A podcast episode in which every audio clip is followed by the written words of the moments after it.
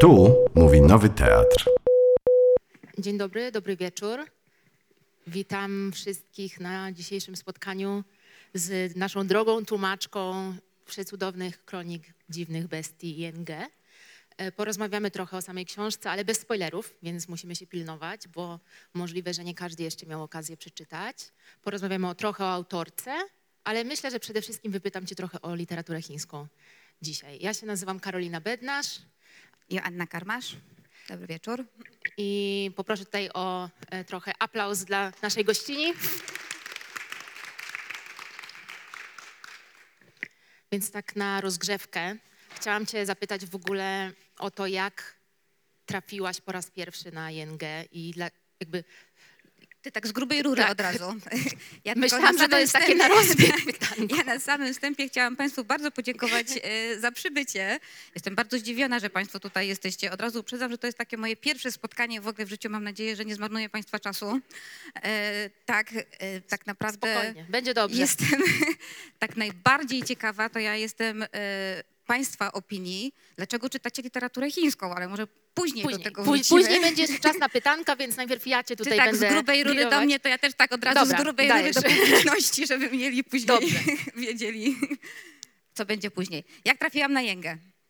E, Jak trafiłam na Jęgę? Na Jęgę trafiłam, e, już to było chyba 11 lat temu. To był czas, kiedy e, mieszkałam w Chinach, w Czchędu, w Syczłanie e, i zostałam zatrudniona w takiej kawiarni literackiej The Bookworm.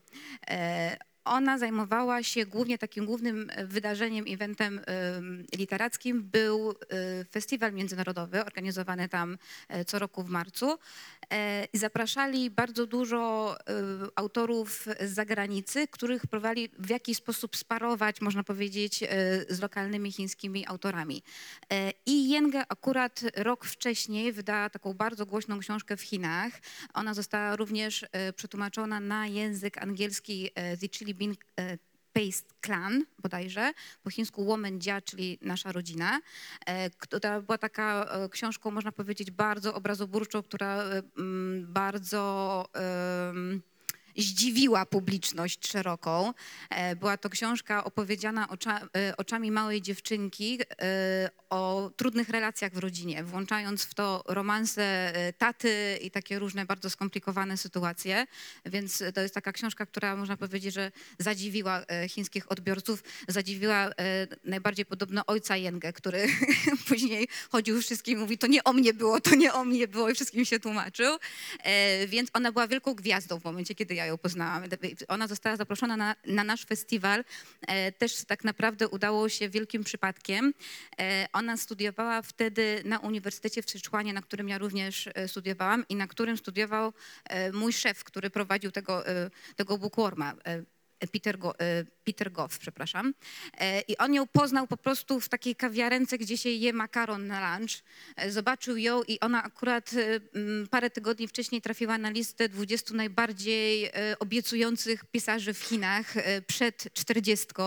I zobaczywszy ją, to właśnie mówię, że prawie się udławił tym makaronem, podszedł do niej z tymi pałeczkami w buzi i mówi, ty, ty jesteś tą Jęgę? Ona mówi, no tak.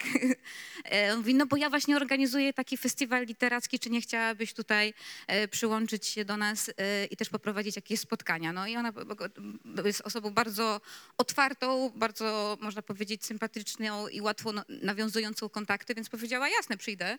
E, No i przyszła i tak naprawdę przyciągnęła za sobą tłumy swoich chińskich fanów. Nie wiem, jak określić w ogóle Państwu, jak wygląda fan klub w Chinach, e, jaka to jest skala emocji względem pisarza. Nie wiem, czy kiedyś widziałam coś takiego w Polsce, to jest taka gwiazda, trochę jakby pop. Ona przychodzi na spotkanie i tam po prostu e, młodzi e, chłopacy, dziewczyny, zapłakani ze szczęścia, że ją widzą, wciskali jej karteczki, kocham cię, jesteś piękna, gdzieś tam do kieszeni, czy te, więc to jest taki naprawdę fan klub e, pełną rurą, można powiedzieć, tak? Takie naprawdę niespotykane, że akurat e, młoda pisarka dostaje aż e, tyle uwagi. E, I w Chinach ona faktycznie jest pisarką bardzo poczytną, bardzo znaną. Ten przedział wiekowy jest tak, no, można powiedzieć 20-35 lat mniej więcej. Ona też tak naprawdę bardzo szybko zaczęła pisać tą kroniki Dziwnych Bestii wydała, kiedy miała 21 lat. E, I tak naprawdę e, też w tą Łomędzia, czyli właśnie o tej rodzinie i skompliko- skomplikowanych e, emocjach w rodzinie też miała bodajże 28 czy 29, więc tak naprawdę jest taką e, pisarką, która szybko zaczęła i szybko ten fan klub zdobyła. No, to już tak mamy tutaj zarys. y, Ja się rozmarzyłam tak sobie słuchając, że festiwal literacki, Syczuan, ale czy ty podjęłaś jakąś decyzję o tłumaczeniu pierwszych jej tekstów? Bo to nie jest pierwszy tekst Jęgę, który tłumaczyłaś. Wcześniej tłumaczyłaś opowiadanie, nowelkę. Jak to określić? Ja w ogóle, e, to takie też moje bardzo e, intymne może wyznanie, nawet pamiętam dokładnie moment, kiedy ja postanowiłam, że ja muszę ją kiedyś przetłumaczyć e, na język polski, ja tylko nie wiedziałam, że ja was spotkam i w ogóle, że to się wszystko tak potoczy bardzo, że tak powiem, zgrabnie i, i, i zwinnie. E, Tutaj też, jeżeli ktoś z Państwa już czytał tą książkę i moje e, posłowie, tam nawiązuje do, do gardeni. E, Gardenia to są ulubione kwiaty Jęgę, to są takie kwiaty syczuanu. E, Nie wiem, czy Państwo wiecie, jak pachną gardenie jaśminowaty, taki bardzo intensywny, słodki zapach, który właśnie kiedyś poczułam na ulicy w Czchendu. Tam chodzą takie starsze panie, sprzedają małe bukieciki. To jest takie bardzo popularne w Czchendu, że można je kupić, więc ja zawsze jak tylko widziałam taką handlarkę, to podchodziłam i kupowałam, ponieważ sama też uwielbiam te kwiaty. I to są kwiaty, do których ona zawsze nawiązuje w, w całym swoim piśmiennictwie. W każdej książce ona o tej, e, o tej gardenii wspomina. I dlaczego ja zwróciłam na to uwagę? Dlatego, że e, czytając pierwszą jej książkę, to jest też taka książka, która nie była przetłumaczona na, e, na, na język polski ani na angielski. Majowa Królowa, można by ją przetłumaczyć w takim wolnym tłumaczeniu. Ona tam połączyła zapach tych gardeni ze swoją matką, a potem się dowiedziałam właśnie, że ona straciła matkę, jak miała 19 lat, więc to był taki e, bardzo taki osobisty, e, można powiedzieć, wątek w tych wszystkich książkach, właśnie te kwiaty, które, e, które przypominały jej o matce. Tylko, że ja jeszcze zanim się dowiedziałam o tym, że ta matka nie żyje, ja też mam taki bardzo mocny zapach związany z moją własną mamą, to są kwiaty konwali. E, Też taki intensywny zapach, ponieważ jak byłam mała, moja mama e, zawsze jak tylko pierwsze konwalie się pojawiły, to przynosiła mi mały bukiecik e, do domu. Jakoś mi tak te gardenie z tymi konwaliami mnie tak po prostu bardzo wonnie poprowadziły ku jej literaturze. I tak naprawdę no taki bardzo tutaj mój osobisty, można powiedzieć, wątek. I ja pamiętam, kiedy ją w tym Bukormie kiedyś spotkałam, tak mia- miałyśmy sam na sam rozmowę i tak właśnie powiedziałam jej o tym. I tak mówię, e, Jęgę, ja cię po prostu muszę przetłumaczyć kiedyś na polski. No ja wtedy miałam też te, nie wiem, no to było te mm, 12 lat temu, też nie miałam w ogóle żadnego doświadczenia w tłumaczeniach. I ona tak się spojrzała i tak mówi, no okej. no to jak przetłumaczysz, to przetłumacz. No i się udało. Tak. I później właśnie do niej napisałam teraz, że ja tłumaczę tą twoją książkę. I wtedy jeszcze tego e, pierwszej, e, pierwsze jej nowelę przetłumaczyłam. To jest dla e, takiej pięknej też antologii, bardzo Państwu polecam, Kamień w lustrze. E, to wyszło e, nakładem wydawnictwa PIW, Państwowy Instytut Wydawniczy. Em, nowelka zatytułowana jest Biały koń. I to też jest e, taka jedna z pierwszych jej dzieł, które przeczytałam. I dla, dlaczego też zwróciłam na to uwagę? Ona, e, część tej swojej akurat kroniki dziwnych bestii zupełnie e, odbiegają od tej jej takiego, można powiedzieć, bardzo rozpoznawalnego stylu pisania z perspektywy małego dziecka. To jest taki jej, bardzo mocny, że tak powiem, atut pisarski. I też za to jest bardzo ceniona i uznana, ponieważ ona pisze bardzo autentycznie jako dziecko, już jako dorosła osoba. I ona tą percepcję dziecka, która patrzy na, na bardzo trudne relacje rodzinne, ma takie naprawdę bardzo autentyczne. I to jest coś, co mnie e, też e, w jakiś sposób poruszyło i, i, zwróciło moją uwagę, dlatego że ja na przykład e, o swoim własnym dzieciństwie nie jestem w stanie powiedzieć w ogóle w takich kategoriach tych emocji, które wtedy przeżywałam, czy też na przykład co myślałam, a czytając jej książkę stwierdziłam, że faktycznie to jestem taka mała ja trochę, która patrzy na, na, e, na ten świat dorosły, którego nie do końca rozumie, sama ma tam takie e, jakieś swoje pomysły i myśli, że wszystko wie lepiej, prawda? I tak trochę tak odnalazłam też e, siebie tak naprawdę w tej, e, w tej literaturze.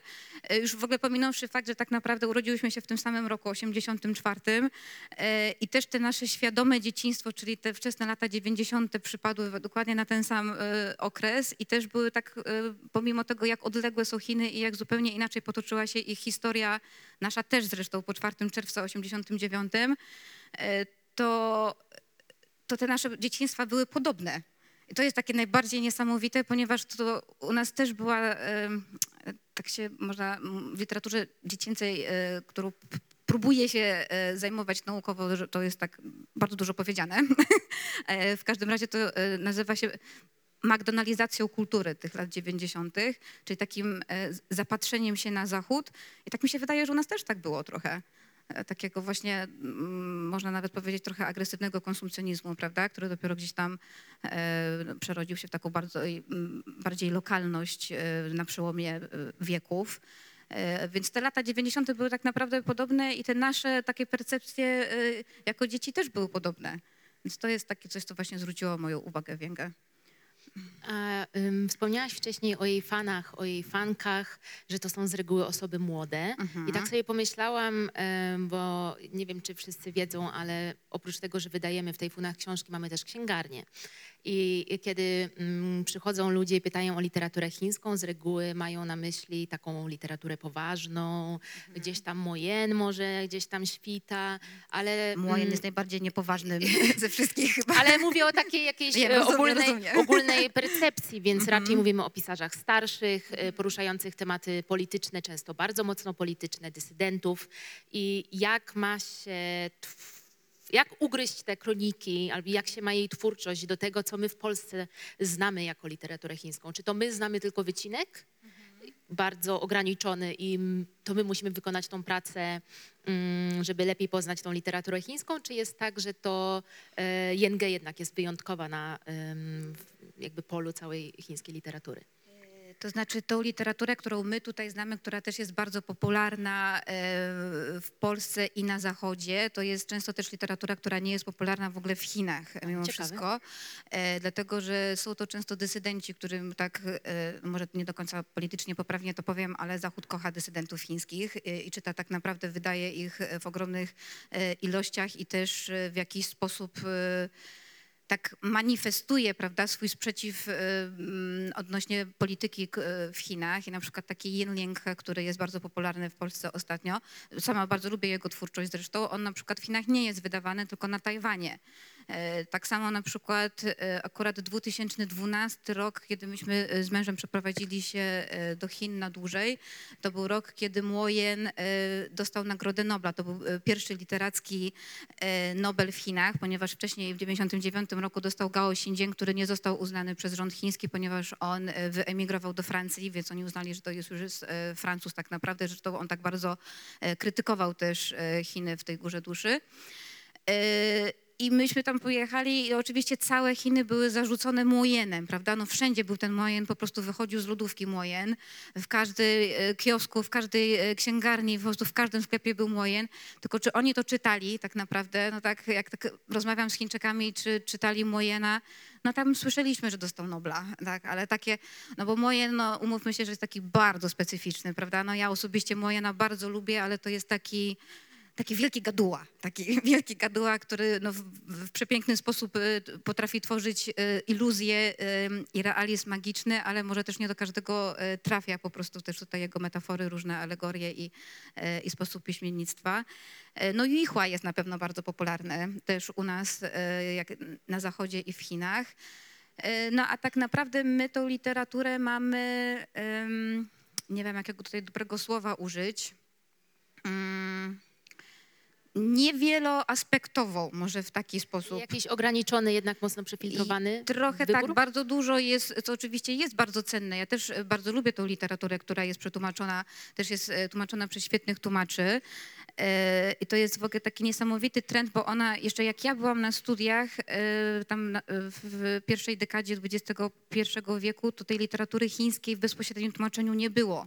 Nawet Góra Duszy Gao Xinjiana została przetłumaczona z angielskiego tak naprawdę, więc gdzieś tam e, to jest to przekłamanie translatorskie i to, to trochę czuć tak naprawdę gdzieś tam, że po polsku by się niektóre rzeczy też inaczej powiedziało, niż e, to potem już były wybory angielskiego tłumacza tak naprawdę. E, I to od 2010 roku dokładnie, od Jichła e, Chiny w 10 słowach, zaczął, e, którą przetłumaczyła Kasia Sarek, zaczęła się tłumaczyć ta literatura chińska też tak naprawdę za sprawą redaktorki Elżbiety Brzozowskiej, która otworzyła tą czarną serię w piwie. No i jest to taki wspaniały trend, że tej literatury jest coraz więcej i ona jest teraz, w tym momencie jest coraz bardziej, e, coraz bardziej wieloaspektowa. Wydaje mi się, że takiej pozycji, jak tutaj e, są Kroniki Dziwnych Bestii, jeszcze nie ma, bo ona jest faktycznie e, takim innym, taką inną ofertą w ogóle literatury chińskiej niż to, do czego my jesteśmy na rynku polskim przyzwyczajeni. Ja bym ją nazwała taką literaturą lekką, ale nie banalną. Taką, że jest, e, że to jest taka literatura po prostu, żeby przeczytać, ale tam jest mimo wszystko dużo tej treści, jest bardzo dużo e, treści kulturowej, e, można się bardzo dużo dowiedzieć o Chinach i to niekoniecznie musi być jakoś bardzo taka toporna metafora, którą my musimy później myśleć przez całą noc, o co chodziło. Tutaj oczywiście jest metafora tych bestii, jest to całe fantazje, ale mi się wydaje, że to mimo wszystko ten przekaz jest taki dość bezpośredni. Tak mi się przynajmniej e, wydaje, nie wiem, może mam też taki trochę spatrzony już swój pogląd. Mm, Jak już tak przyszłyśmy sobie delikatnie do kronik, to zaznaczyłam sobie dzisiaj e, fragmencik. Pytałam się dzisiaj w tej funach, żeby polećcie dziewczyny jakiś fragment taki na rozruch w razie czego i Ania podesłała jeden, więc tutaj przeczytam kawałeczek i wejdziemy w świat bestii. Ile bestii mieszka w Jonganie? Koniec końców nie można być pewnym, kto tu kogo tak naprawdę oswaja, stwierdził. Zaśmiałam się. Boisz się? To wyjedź stąd. Nikt, kto tu przyjechał, nie może wyjechać. To przepełnione potworami i upiorami miasto jest zbyt fascynujące i zbyt czarujące. Prawdziwy raj dla artystów i tułaczy. Więc jak już jesteśmy tutaj e, w tym świecie, w którym W Junanie. w y, Junanie i w takim no, w świecie, w którym otoczeni jesteśmy bestiami i też ta granica, bez tutaj spoilerów, jest trochę zatarta, kto tą bestią em, jest. Mm, zastanawiałam się nad tym właśnie w kontekście tego, co mówiłaś przed chwilą i o tych topornych metaforach, bo często jak e, widzę teraz też mm, pierwsze recenzje kronik, Mam wrażenie, że wielu czytelników, albo może większość, ma taki jakiś mechanizm, że aha, literatura chińska, musi tam być jakaś mocno polityczna metafora, więc to na pewno jest krytyka systemu. I czy faktycznie je- tak jest i możemy w tą stronę sobie iść e, z naszymi em, jakimiś interpretacjami, czy to jest takie nasze nadużycie i nasza jakaś taka stereotypowa łatka, że nie umiemy w inny sposób czytać literatury chińskiej i zamiast poczytać sobie książkę o, tak jak powiedziałaś, trochę fantazy, trochę science fiction, jednak to jest dosyć specyficzna mieszanka, bardzo dobra i polecam, ale czy jak ty to widzisz, jak ty to tłumaczyłaś? Znaczy to jest takie e, pytanie bardziej do Jęgę, mimo wszystko mi się wydaje, bo Ale moja to też jako- będzie jako- ty jako- interpretacja. Ty jako tłumaczka, jak na to Tak, e, patrzysz? moja też będzie interpretacja. E, Ja też jestem trochę skrzywiona jako sinolog, więc ja zawsze widzę gdzieś drugie dno, więc to Może jest tak jest taka, to jest też taka lektura, którą czytałam i ja widziałam tych odniesień bardzo dużo i tak naprawdę tak dużo, że aż się zdziwiłam. Przede wszystkim dlatego, że ona to napisała jak miała 21 lat. Dla mnie to jest tak niesamowite po prostu, że ktoś może zrobić tak zręczne aluzje e, i tak naprawdę być świadomym bardzo dużo właśnie rzeczy politycznych i gdzieś tam je przemycić w książce, która tak naprawdę no, do, do polityki mimo wszystko no, nie ma nawiązywać, prawda? Ona tutaj była tak e, też e, trochę inaczej. Tak naprawdę sama Jęgę mówi, że to była taka książka trochę jej terapeutyczna właśnie po śmierci matki, prawda? Więc, e, ale gdzieś tam to polityka jest i to jest w ogóle coś, co chciałabym tutaj Państwu zwrócić uwagę, że właśnie ta literatura chińska, ona w sobie ma dużo polityki, nawet w takiej książce jak Kroniki Dziwnych Bestii. I to jest tak naprawdę takie coś dla mnie niesamowitego, ponieważ ona bezpośrednio nie mówi na przykład o rewolucji kulturalnej. Na, na rynku po- polskim jest bardzo dużo tej literatury nawiązującej, prawda, właśnie do rewolucji kulturalnej, do czasów Mao. No ona się urodziła w 1984 roku, więc już po, w zupełnie innej erze Chin otwarcia na świat, a mimo to I tak nawiązuje do y, epoki Mao i akurat ona wtedy do tego wybijania y, ptaków, prawda, że to już było. Czyli ta trauma mimo wszystko te, y, tego takiego bardzo czerwonego komunizmu i epoki maoistowskiej jest nawet w tak młodych osobach. I to jest takie niesamowite dla mnie, że nawet w takiej książce, która niby o polityce nie jest, to jest. I to jest Czyli i też... tak, i tak przesiąka gdzieś I tak tam. gdzieś tam przesiąga. I tak naprawdę teraz właśnie kolejną książkę, którą e, tłumaczę tutaj e, z wami, dla was, e, e, Siadzia też jest e, science fiction fantasy. Też urodziła się w 84 roku, więc nie wiem, czy to po prostu jest przeznaczenie mój rocznik, Widzę, żeby że tłumaczyć. musimy teraz wybierać po roku urodzenia autorki Dokładnie, dla tak. Tutaj po tego.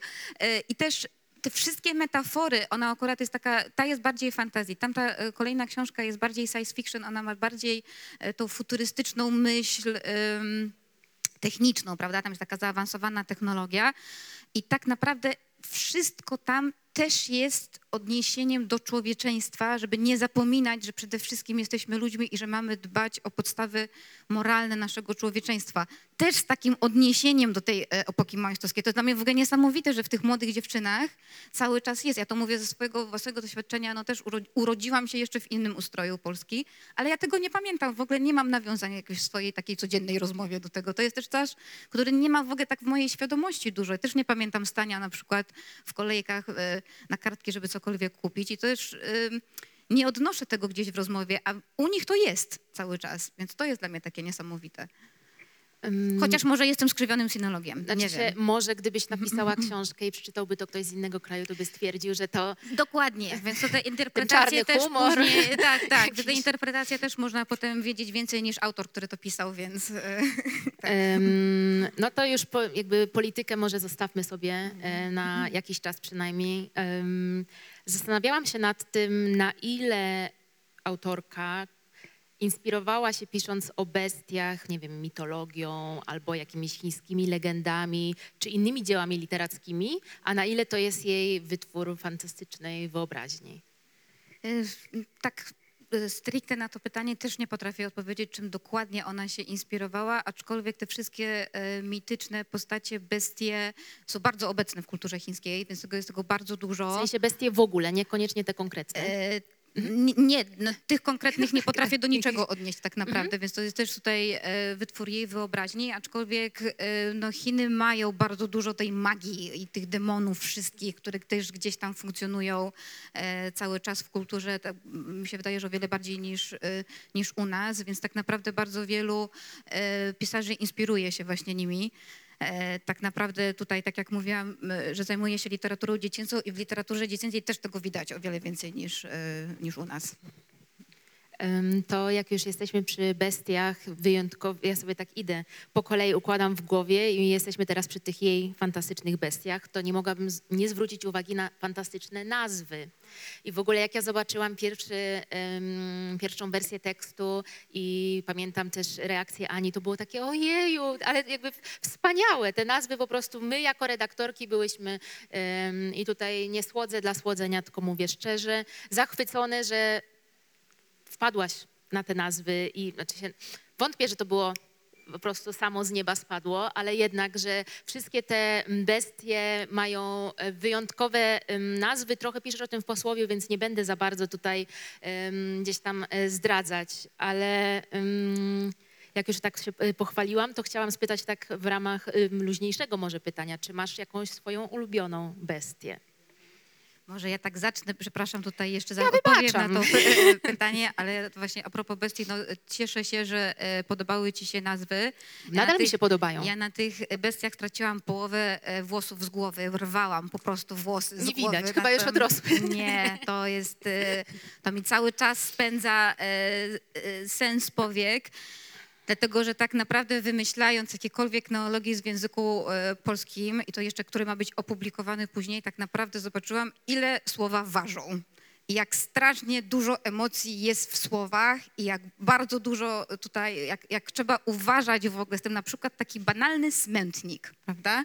Żeby wpaść na tego smętnika, czyli w ogóle muszę powiedzieć, że jak skończyłam to e, e, tłumaczyć i już wam odesłałam mm, całość, to ja posprzątałam swoje biurko, na którym były, no nie powiem, że setki, ale dziesiątki kartek samych nazw zapisanych A4 po prostu od góry do dołu. To były dziesiątki e, po prostu nazw na Mam każde nadzieję, że nie, jednego. nie wyrzuciłaś tych kartek. Wyrzuciłam. A myślałam, że teraz to by było, wiesz, do jakiegoś Bo ja- tajfunowego nie, archiwum. Nie, nie, nie, nie, ja to wszystko wyrzuciłam, bo już nie mogłam na to patrzeć. To było bardzo dużo emocji z mojej strony. Translatorska trauma jakaś. Translatorska trauma, bo tak na przykład na tym przykładzie smętnika.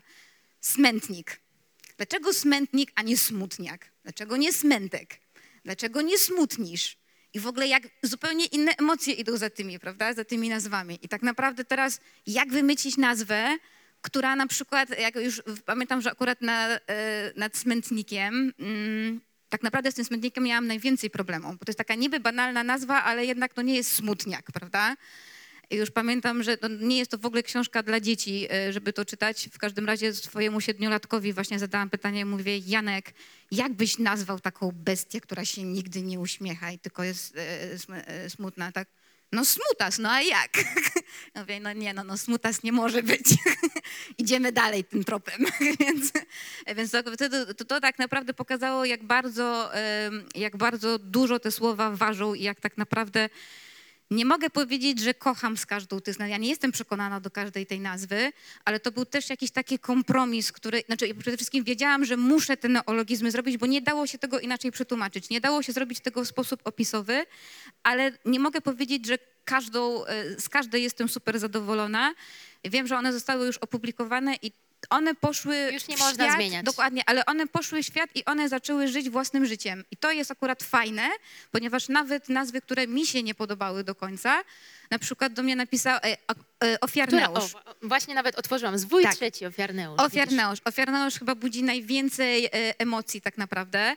Napisały do mnie dwie koleżanki, dwie naprawdę wybitne tłumaczki literatury chińskiej w Polsce. Jedna do mnie, do mnie napisała, mówi, Aśka, coś ty wymyśliła. Ofiarneusz, w ogóle jak to się czyta, w ogóle to jest okropne. Druga do mnie napisała, Asia, to jest najpiękniejsza nazwa, jaką w życiu słyszałam. tak? Ja jestem za tą drugą e, Tak. lożką. Ale mówię w ogóle, ale ofiarneusz od Prometeusza to wzięłaś? Ja mówię, tak, od Prometeusza się właśnie zastanawiałam, czy, prom, e, czy ofiarneusz, czy ofiardeus, prawda? Też Deus jako Bóg. I to też właśnie, właśnie musiałam w końcu wybrać, prawda?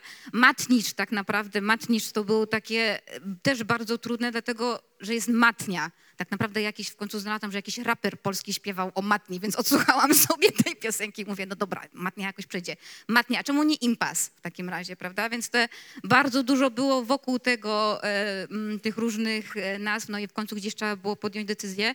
No w każdym razie cały czas jeszcze się boję, że kiedyś e, po prostu się obudzę w środku nocy i mówię, nie, to nie miało być tak, to miał być ofiardeus. To przykro mi, ale już nic nie możemy z tym zrobić. Już jest wydrukowane, więc... E, no ale masz jakiegoś swojego faworyta, nie tylko jeśli chodzi o nazwę, ale na przykład Eee. jakiś, bo tutaj nie, mm, rozdziały nazwane są zwojami.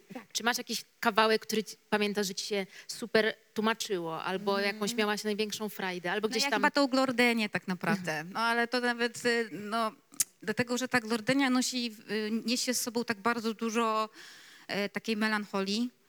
E, I to jest też coś, co mi się wydaje, takim, za co bardzo lubię literaturę chińską, że ona jest e, właśnie taka bardzo melancholijna. Bardzo dużo literatury tej, w ogóle azjatyckiej jest takiej bardzo e, me- melancholijnej. Ja przez melancholię mam na myśli taki, taki spokojny smutek. To jest takie coś w ogóle, czego też y, można powiedzieć, że w pewien sposób patrzę z uznaniem w ogóle na naród chiński, na y, umiejętność znoszenia trudu właśnie takim spokojnym smutkiem. To jest, takie, to jest taka siła w tym tak naprawdę. I to jest coś, co mnie zawsze urzeka. To jest też, co mnie tak naprawdę urzekło w tej, y, w tej Glordenii. No i przede wszystkim no, ja, osobiście lubię nazwę Glordenia. Jestem z niej bardzo dumna, pomimo, że też moja koleżanka, ta od ofiarneuszcza powiedziała fatalna, banalna.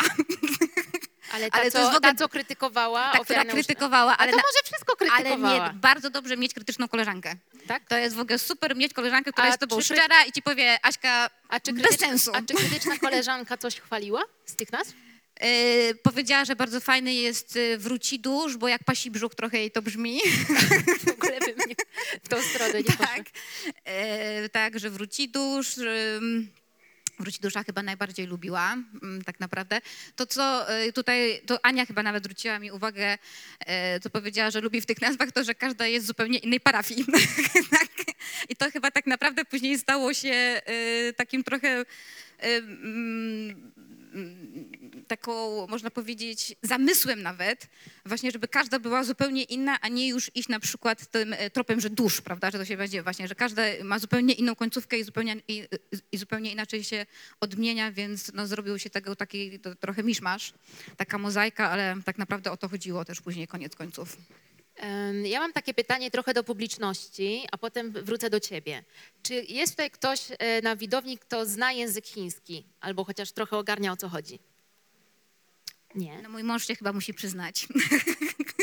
Ale tego pana nie liczymy tutaj do statystyk. Ja chciałam, ym, no bo jako, że mamy tutaj parę dziesiąt, no nie wiem, dwadzieścia osób powiedzmy, ym, które przy, tak przyjmijmy tutaj y, twojego męża jako błąd statystyczny, sorry, not sorry. Jak, Nie jesteś. Dużo mamy zawsze pytań na wszystkich spotkaniach i w ogóle e, w księgarni, jak to działa to tłumaczenie, czy jest trudno, czy nie jest trudno. Czy e, nie chodzi mi tutaj o wielki wykład, ale z czym jakoś mierzyłaś się, to jest jedno, a drugie jakbyś tak mogła w super skrócie może mm, zarysować, jak to działa, bo jak już tutaj jesteśmy i my w Tajfunach z reguły wydajemy literaturę japońską, ja jako japonistka, Ania też pewnie o wiele więcej już tutaj poszło tej wiedzy w świat, ale mm, o chińskim ani ja nie wiem zbyt wiele, ale myślę, że nasze mm, czytelniczki i czytelnicy też.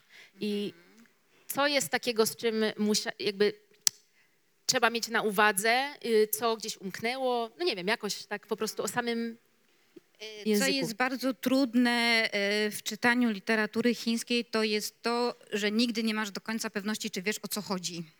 E, I dlaczego? Dlatego, że tam nie ma ani czasów, ani osób i bardzo dużo jest w niedopowiedzeniu. To jest taka e, gramatyczne formy niedopowiedzenia, czyli tak naprawdę jeżeli coś jest wyciągnięte z kontekstu, to nie wiesz ani czy to już było, czy to będzie, czy jest, ani czy to mówi e, kobieta, mężczyzna, czy jest ich jedna, dwoje, czy i to taka jedna wielka niedookreśloność jest, jest która, której język polski nie przyjmie absolutnie. Więc ty jako tłumaczka musisz jakieś tam decyzje też podejmować. Muszę podjąć decyzję na podstawie kontekstu, prawda? I też tak naprawdę no, z jednej strony to są takie decyzje też później tłumacz, e, tłumaczy, że faktycznie trzeba podjąć te decyzje i zrobić ten czas osobę, a z drugiej strony właśnie literatura chińska, ta moc literatury chińskiej jest to niedopowiedzenie. I w ogóle mocą języka chińskiego jest niedopowiedzenie i stworzenie tej iluzji, e, której tak naprawdę no, nie da się do, e, do końca e, przetłumaczyć Też jakaś taka wielowymiarowość. wielowymiarowość, wielointerpretacyjność i tak naprawdę właśnie, że nie do końca wiadomo do czego i do kogo to się odnosi. I to jest też to coś, co jest napisane w posłowie, no chyba mogę zrobić spoiler posłowia, no bo to wybaczę. posłowie. Właśnie Jenge, jak już przeprowadziła się do Anglii ze swoim irlandzkim mężem i zaczęła tworzyć w języku angielskim, ona sama powiedziała, że największą trudnością pisania czegokolwiek e, w języku angielskim jest linearność czasu, tego, że u nas to po prostu idzie, że coś było, jest i będzie, a ona ten czas w języku e, chińskim opisała jako pokój, e, do którego są wkładane kolejne przedmioty. I nieważne, jak długo ten przedmiot już jest w tym pokoju, on w w wybranym momencie zupełnie niespodziewanym może zacząć prowadzić swoją własną narrację. Czyli tak naprawdę nawet te czasy się przeplatają zupełnie w taki sposób, no, które u nas się nie mogą przeplatać, bo u nas jednak musi być ten związek przyczynowo-skutkowy, prawda, i, i zachowana ta ciągłość. No w języku chińskim to zupełnie nie musi być. I tak naprawdę nawet w literaturze mogą być też odniesienia słów, kto, ktoś powiedział z przodków kiedyś i to jest niby w, y, y, tak wplecione w narrację obecną i tak no bardzo trudno jest tą magię języka e, w jakiś sposób, e, w jakiś sposób Przodków uchwycić. literackich? Czy nie, nie, nie, przodków twoich? w ogóle, e, w- znaczy w ogóle okej, jeśli w chodzi o, o daną książkę. Co jest jeszcze bardzo trudne, to nazwy własne. To nie wiem, to jest, to jest w ogóle ogromne wyzwanie tłumaczenia literatury chińskiej, ponieważ tłumaczyć właśnie te chińskie nazwy, czyli że ktoś się na przykład nazywa no nie wiem, jęgę, prawda, czy nazywa się kolorowa pieśń, to właśnie tak jak jęgę. E, Czy, czyli, czy to tłumaczyć, ja tutaj akurat obrałam takie, mm, e, taką taktykę, żeby dawać tą nazwę chińską, ale wytłumaczenie jeszcze gdzieś tam wciskać, prawda? Że czasami to, ja to zrobiłam też dlatego, że czasami komuś, e, jak będzie znał znaczenie tej nazwy chińskiej, może to coś przywołać innego, później inne skojarzenia, no a jednak to jest wielowymiarowość interpretacji też później czytelniczej, więc też nie chciałam odbierać czytelnikowi tej frajdy, żeby wiedział, co znaczy jakieś tam e, chińskie, e, chińska nazwa. I jeszcze podział zdania. Podział zdania jest strasznie trudny e, w tłumaczeniu chińskim. Jedno zdanie chińskie potrafi zajmować cały akapit 10 linijek i to jest jedno zdanie. Wiesz co, jak tak mówisz o tym, to bardzo to podobnie brzmi do moich wszystkich problemów z japońskim. Tak mi się właśnie coś mimo może braku, wydawać. mimo jakby wielu, wielu różnic. Tak. E, I te zdanie chińskie potrafi mieć na przykład 10 linijek. e, No, no, zdanie na 10 linijek po polsku by nie przeszło, więc to trzeba podzielić. I my potem w redakcji stawiamy te I teraz kropki. pytanie, jak to podzielić? I No tak. które zdanie, s- y, i która część składową y, z tą poprzednią, czy z tą następną? I muszę tak naprawdę z tego jednego zdania zrobić 10 albo 12. I tak naprawdę to też pokazuje, jak bardzo zmienia to później interpretację, ten mój podział. To jest taka moja naprawdę y, ogromna manipulacja tekstem później, do której ja też czuję się w jakiś sposób odpowiedzialna, więc y, jak zaczynam tłumaczyć w ogóle cokolwiek, no też nie mogę powiedzieć, że mam jakieś ogromne tłumaczenia, to było trzecie dzieło, które przetłumaczyłam. Jak zaczynam tłumaczyć cokolwiek, to pierwsze pięć stron zawsze wywalam. Bo pierwsze pięć stron ja dopiero wchodzę też w, ten, y, w te tłumaczenie i tak też zauważam, że za dużo jest mnie w tym tłumaczeniu i za bardzo tego mojego podziału właśnie logicznego i dopiero później jak wejdę już y, w ten taki klimat trochę powieści i w ten styl, to muszę ochłonąć i mówię, dobra, to jest wszystko źle od początku. Ym, ja tak może... Długa lista. Nie, listę właśnie ja jestem dumna z siebie, że prawie wszystko już e, wystrzelałam pytaniami, e, z pytaniami, ale mm, bez tutaj, bez stresu, bo nie chcę tutaj też za bardzo wgłębiać się w same kroniki, dlatego żebyśmy zaraz tutaj nie zaspoilerowały za bardzo. Było o języku, było, było o autorce, e, było o samej literaturze chińskiej. Zaraz będzie też czas na pytanka, więc proszę już sobie tak mentalnie się przygotować, ale ja chciałam z mojej strony zakończyć takim jakimś op- nie wiem, w sensie wszystkie pytania chyba były optymistyczne, tak sobie myślę, ale takie przyszłościowe, o może bardziej. Co według ciebie, y, czego brakuje w Polsce, jeśli chodzi o literaturę chińską? Co byś chciała, żeby było przetłumaczone, albo co ty byś marzyła, żeby przetłumaczyć? Jakby tutaj mamy przykład pisarki młodej, odbieg, tak, tak jak podsumowując to, co mówiłaś, odbiegającej trochę od tego, jak my widzimy często, nie tylko w Polsce, ale w Europie, w Stanach, literaturę chińską. I jest to jakiś taki promyczek, może inny, w innym kolorze, jak, jak to powiedziałaś, jej imię co oznacza? Kolorowy, Jęgę, kolorowa pieśń. kolorowa pieśń w tym całym kanonie, ale pięknie to powiedziałam. Mm, ale jako osoba, która się in- mówisz, że interesuje się li- literaturą dziecięcą, czytasz naprawdę różne rzeczy i literaturę piękną i non-fiction, tak w idealnym świecie, który wiadomo nie istnieje, ale e, co byś chciała, żeby taki polski czytelnik, czytelniczka, osoby, które tutaj, tutaj siedzą na widowni, żeby mogły pójść i sobie kupić z chińskiej Ja literatury? bym bardzo dużo chciała. No to dajesz. Ja bym Mamy bardzo czas. Dużo chciała. E, dlatego, że przede wszystkim e, ja próbuję tą literaturę dziecięcą chińską już od paru lat wydać i po prostu nie mogę się kompletnie przebić. Wszyscy mi mówią, że e, nie ma na to w ogóle rynku w Polsce i w ogóle nie będzie popytu. E, więc nie udało mi się, a tak naprawdę uważam, że to są e, perełki. Perełki naprawdę niektóre, ja nie mówię, że cała literatura e, chińska, ale też nie cała literatura polska dziecięca jest, że tak powiem, literaturą, którą chciałabym czytać swoim dzieciom. E, Tych chińskich perełek jest naprawdę bardzo dużo i one dają zupełnie inną, jakby to powiedzieć, e, tym dzieciom e, pokazują zupełnie inną perspektywę i zupełnie uczą je zupełnie innej wrażliwości. Ja tutaj tak bardzo banalnie powiem, mam nadzieję, że dość obrazowo. On, to jest duże uproszczenie, więc proszę mnie tutaj nie łapać później za słowa i nie cytować. Takie duże uproszczenie. E, Literatura dziecięca w Polsce jest bardzo zapatrzona na literaturę dziecięcą skandynawską, która jest oczywiście bardzo dobrą literaturą, sama ją bardzo lubię i też bardzo dużo czytam dzieciom, ale literatura sk- skandynawska charakteryzuje się tym child-centered, tak? czyli że dziecko jest w środku i to jest pokazana e, literatura, świat oczami dziecka. Dziecko jest najważniejsze i dziecko pokazuje. I tak naprawdę jest to kult indywidualizmu. E, e, Kultura e, zachodnia jest kultem indywidualizmu, to jest takie nasze naprawdę być albo nie być tak naprawdę i to jest bardzo pokazywane w literaturze dziecięcej.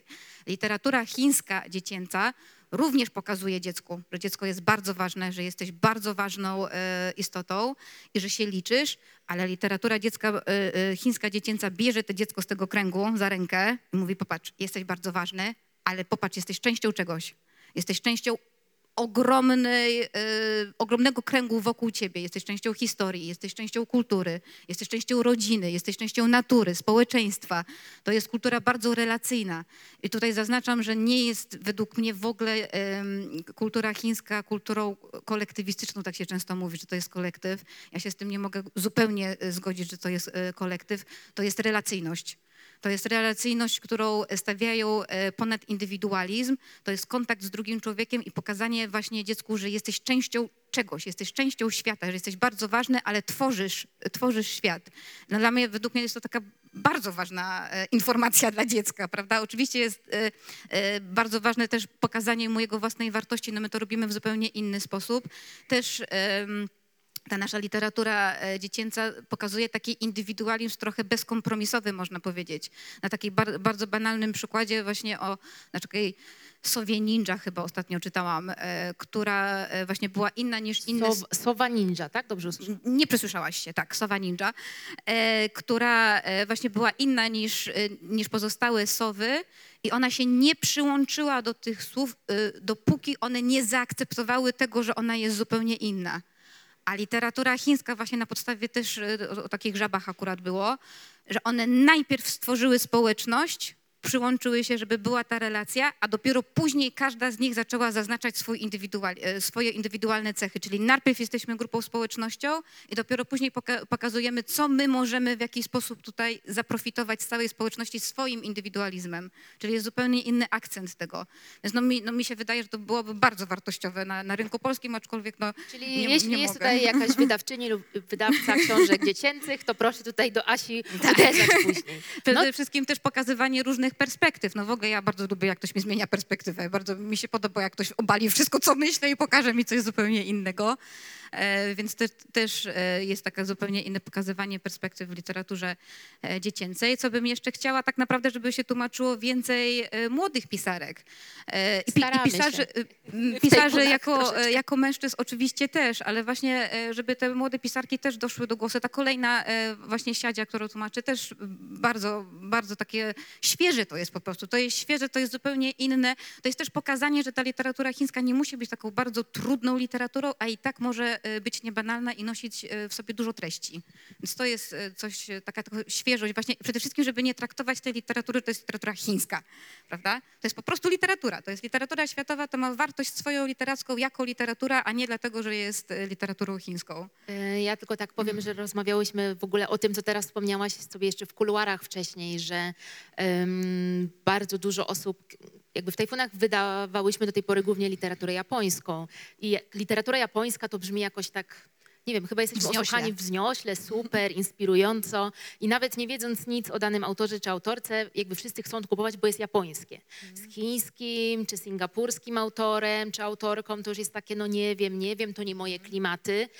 Ym, To samo widzimy zresztą wśród krytyków, czy w ogóle jakby w szeroko pojętej branży czy kulturze, że y, trzeba tutaj dużo pracy wykonać, żeby przekonać, że hej, ale to nie jest taki egzotyczny jakiś kwiatuszek i ozdóbka, tylko literatura sama w sobie, więc myślę sobie, tak jak rozmawiałyśmy przed spotkaniem, że jeśli taka jedna rzecz miałaby być zapamiętana z, z dzisiejszego spotkania, to żeby było to, że to literatura chińska czy japońska to nie jest gatunek literacki, nie jest jakaś, choć ma, tak jak zauważyłaś, jakieś swoje mm, cechy y, wy, wy, kultury czy wynikające z języka, więc y, tak reasumując, więcej literatury dziecięcej i w ogóle, bo chyba nie, czy cokolwiek jest po polsku. Jest, jest, e, jest, tego jest mało, ale jest e, takie pojedyncze, można powiedzieć. E, Jest Jimmy Liao, to jest, to jest tajwański autor książek obrazkowych, też przetłumaczony przez Kasię Sarek. Bardzo fajne książki, bardzo, bardzo piękne, poetyckie. Mamy w tajfunach. Tak jest, tak jest. I takie pojedyncze też są. Czyli coś są. tam... Coś tam jest, coś tam się już przebiło, ale no wydaje mi się cały czas, że jest tego jeszcze mało. Jeszcze chciałam tylko powiedzieć, że co bym jeszcze sobie chciała O, no tutaj właśnie. e, żeby jakieś reportaże też były chińskie. To jest w ogóle bardzo ciekawe, e, żeby poznać ten, ten chiński punkt widzenia. To jest takie, takie naprawdę niesamowite, e, żeby zobaczyć, no, te reportaże, e, które w jakiś sposób nawiązują do Chin, to one są tak naprawdę reportażami Zachodu, którzy piszą o Chinach. To jest, no mimo wszystko, no umówmy się, to jest nasza percepcja ich, prawda? Więc to też, nam się to podoba. Ja też bardzo lubię zresztą e, tutaj tego typu e, pracę reporterską i też te- tego dużo czytam, ale ja jestem bardzo ciekawa, co oni mają do powiedzenia. Ja jestem bardzo ciekawa, w jaki sposób oni prowadzą te reportaże i po prostu e, na co oni zwracają uwagę, prawda? Jak to wygląda, że tak powiem, od środka u nich. Czuję, że jest jakiś challenge teraz dla mnie, bo Mhm. nie wiem, czy wszyscy wiedzą, że będziemy startować serią non-fiction w tajfunach. No to Mhm. ja tu widzę te laserki, że y, coś tutaj trzeba będzie z chińskich tematów wymyślić, więc będziemy, Mhm. będziemy myśleć. Czyli co, młode pisarki, więcej młodych pisarek. Więcej młodych pisar, literaturę dziecięcą moglibyście nie, to zacząć. przepraszam, literatura dziecięca, więcej pisarek i coś z non-fiction. I non-fiction. I to są twoje trzy marzenia? Tylko trzy? A spełniasz wszystkie? No oczywiście. Dziecięca najmniej, To jak złota rybka trzy. ale tę literaturę piękną czy non-fiction możemy, no możemy się zrobić takie na przykład tajfuny dzieciom, taki oddział. Kto by to redagował? Ach, damy radę. Nie wiem, może w przyszłym życiu. E, teraz może e, pytanka z publiczności, bo żeby nie było, że my tutaj sobie siedzimy i... ty już jesteś w gotowości z mikrofonem? Jest, jest pytanko, Ojej, bo my tylko- tak możemy siedzieć i sobie rozmawiać. A... E, Nawiązując do tego, co było mówione gdzieś tam wcześniej, czy właściwie mm, Nagroda Nobla jest, e, literacka jest w Chinach poważana jakoś bardzo? Czy cieszy się zainteresowaniem? Nagroda Nobla tak, jak najbardziej tak. I w ogóle Nagroda Nobla tak naprawdę to można powiedzieć, jakiego by tutaj użyć w- właściwego słowa. To była taka, może nie, że pięta achillesowa, ale to było coś, taka wielka zadra e, dla rządu chińskiego, że oni ją dostali dopiero w 2012, ro, 2012 roku. No to jest bardzo późno, prawda? Ujma na honorze była taka trochę. To była ogromna ujma na honorze, że oni nie zostali wcześniej e, nagrodzeni Nagrodą Nobla. I tak naprawdę to, że Gao Xingjian e, dostał w tym 99 roku, e, to oni odebrali to jako ogromną potwarz, dlatego że on, on był dysydentem e, i tak naprawdę oni nie uznali w ogóle jego i to było takie wręcz... e, no jak, jakiego by tu słowa użyć, no takie, mm, no taka, ta, było bardzo e, ujmujący na ich honorze, że to dostał Gao Xinjiang piszący przeciwko Chinom i oni dostali dopiero w 2012 roku. I to jeszcze oni na przełomie wieków tak naprawdę bardzo e, zainwestowali dużo e, wysiłków, pieniędzy i tu całej e, dyplomacji publicznej, żeby zbudować taki nacjonalizm kulturowy w Chinach. To były, ten przełom wieków też był takim bardzo ważnym okresem w Chinach, że oni już, tak powiem, em, wychodzili z tej łatki kraju trzeciego świata, prawda? Te lata 90. już były takie bardzo, można powiedzieć nawet, że agresywne, jeśli chodzi o bogacenie się. Ten produkt krajowy brutto już zaznaczył ich e, pozycję w świecie, więc oni bardzo duży nacisk e, kładli na to, żeby zaczęli być postrzegani jako wartościowa kultura, która się przyjmie na świecie. Stąd też potem powstały Instytuty Konfucjusza, prawda, na początku XXI wieku, e, żeby właśnie reklamować jakąś i promować e, kulturę chińską w świecie. I to, że oni cały czas nie mieli, no 2012 to też jest e, bardzo długo, prawda, od tego Gao Xinjiana, to 13 lat. Więc wtedy, kiedy oni dostali, to naprawdę było takie wielkie wow, ale tak matką łojen. ale, ale wybrali, prawda, takie no... E, Nie wiem, czy Państwo czytacie Mojena, ja bardzo lubię Mojena, ja uwielbiam jego sło, em, słowotok, no ale Mojen jest taką, umówmy się, no, bardzo specyficzną literaturą. Więc to też nie jest to, że każdy, y, każdy po prostu Chińczyk to przeczytał. Ale y, chińskie media śledzą nadal te nagrody Nobla, kto wygrał. Oczywiście, Jest to tłumaczone na chiński i oczywiście, tak dalej? tak, tak, oczywiście, że jest tłumaczone. Przecież cały czas y, grozi tak naprawdę Nobel ten ca- cańśły, prawda? Znaczy grozi, ja tak mówię, że grozi, bo oni ją co roku podają, jest że gdzieś tam, gdzieś tam jest wypisywana, więc cały czas są nadzieje, że ona w końcu dostanie. Tak naprawdę, no Juchła też był Mhm. przez jakiś czas, chociaż Juchła mi się wydaje, że trochę spadł w rankingach tak naprawdę, ale cały czas mają nadzieję, że gdzieś tam się pojawi, ale, ale nie ma. Czy ja odpowiedziałam na pana pytanie? Przepraszam. Tak. E, Chciałbym zapytać o poezję współczesną w Chinach. Poezję? Tak. Ojej, to ja to chyba nie do mnie z poezją. Ja jestem bardzo mało poetyczna. Naprawdę. Ale poezji, e, poezji e, chińskiej jest bardzo dużo, tej współczesnej. Tak, Mogę, chciałem- mogę panu nawet powiedzieć, kto się tym zajmuje w Polsce. Asia Kręc. Pani nie może nic polecić. od E, siebie. Asia, Krę, e, Asia Kręc, e, Kasia Sarek bardzo dużo tłumaczą, Małgorzata Religa bardzo dużo tłumaczą poezji. E, Teraz w ogóle też wyszły, e, wyszła książka o Ai Weiweiu e, i tam też jest bardzo dużo poezji w tłumaczeniu właśnie bezpośrednim z chińskiego e, Kasi Sarek, więc bardzo polecam. E, Tak, one mają, ja nie mam chyba takiej wrażliwości poetyckiej, żeby tłumaczyć, znaczy ja może właśnie mam tą wrażliwość, ja się boję tych słów trochę, bo ja już sądzę, że tutaj te nazwy bestii wyczerpały Po- moje e, Poga- zasoby. Pogadamy za lat, lat 5 czy 10 i może przyjdziesz kiedyś do nas, wiesz. A, ja się z, boję czwartym, z poezji. czwartym życzeniem, że Nie, poezja współczesna. Ja się boję poezji. Ja się boję poezji, bo te słowa tak strasznie dużo ważą, że nie wiem, czy byłabym w stanie Ciężkie, z, ciężkie z, słowa. z czystym sumieniem coś, e, coś przetłumaczyć. Ale tak, e, Małgorzata Religa, Joanna Kręc, Katarzyna Sarek to są takie naprawdę wy- wybitne tłumaczki poezji chińskiej. Dziękuję. W sumie nawet nie dałam panu dokończyć tego pytania, a już pana tutaj zaatakowałam, ale mam nadzieję, że o to panu chodziło. Czy ktoś jeszcze chce o coś wypytać naszą tłumaczkę, bo mnie to jakoś chyba niekoniecznie. No ale nie wiem, może jakieś mroczne... Mm, Ja bym tak, ta, tak naprawdę chciała Albo od ty. siebie dodać O. coś takiego, co e, też e, może nie do końca jest oczywiste w tłumaczeniach, co jest naprawdę trudne do przetłumaczenia, bo neologizmy nie są aż tak trudne do przetłumaczenia. Jest, jest coś o wiele trudniejszego, nawet poza tym rebusem, który tam trzeba było wymyślić. ratatuj? E, Ratatuj, tak jest. To jest, e, z- są o wiele trudniejsze rzeczy do przetłumaczenia, których nie załatwią nigdy przypisy, E, bo tak naprawdę już w momencie tego rebusu, to ja już w fazie totalnego kryzysu stwierdziłam, dobra, dam ten przypis. już jakoś z tego wybrniemy, prawda? Ale potem tak naprawdę sama Jękę mi powiedziała, absolutnie żadnych przepisów, to ma być wartka akcja, wymyślaj. Myśl, coś wymyślisz, prawda? No i E, wymyśliłaś. No i wymyśliłam, wyszło tam jak wyszło, ale, e, ale wymyśliłam. E, To, co jest bardzo trudne, znaczy według mnie to jest w ogóle nieprzetłumaczane, to są takie kody kulturowe. To jest coś, co po prostu trzeba, dlatego, dlaczego to jest nieprzetłumaczalne, bo to nie da się do tego zrobić przypisu, bo to wywołuje konkretne emocje. Jakiś taki banalny przykład, z- na przykład e, podać z języka polskiego, jeżeli w jakimś dialogu byłoby e, powiedziane zamiast powiedz mi, byłoby powiedziane, to wyspowiadaj mi się tutaj, prawda? I te wyspowiadaj, no to teraz zrobić przypis, prawda, to toczy się kultura To jest- polska w dużej mierze, można powiedzieć, jest oparta tutaj o kulturę katolicką, dlatego spowiedź ma takie i takie konotacje w kulturze, prawda, i takie wywołuje emocje. No jest to na przykład, no powiedz mi, a wyspowiadaj mi się tutaj, prawda, no zupełnie coś innego dla nas. A potem jak to oddać, e, na przykład w Chinach chociażby, gdzie oni nie mają kompletnie kultury, że jest jakaś spowiedź, w ogóle jakieś wyznawanie grzechów w ten sposób, prawda? I tutaj jest taki moment, to jest taki moment, nie wiem, czy mi się to udało tak naprawdę to wychwycić. Sądzę, że, nie, nie, e, że to było takie najtrudniejsze tak naprawdę, pomimo to, że wiem, że to jest pomijane zupełnie i też dużo osób czytających nie zdaje sobie z tego sprawę. Tam jest taki moment w młodzieniach, e, kiedy... jeden tak y, drugim agresywnie tak rzuca i on do niego tak patrzy i mówi do niego w ogóle słowa, którego też nie ma w języku polskim, mówi do niego ifu, czyli ojcze adopcyjny.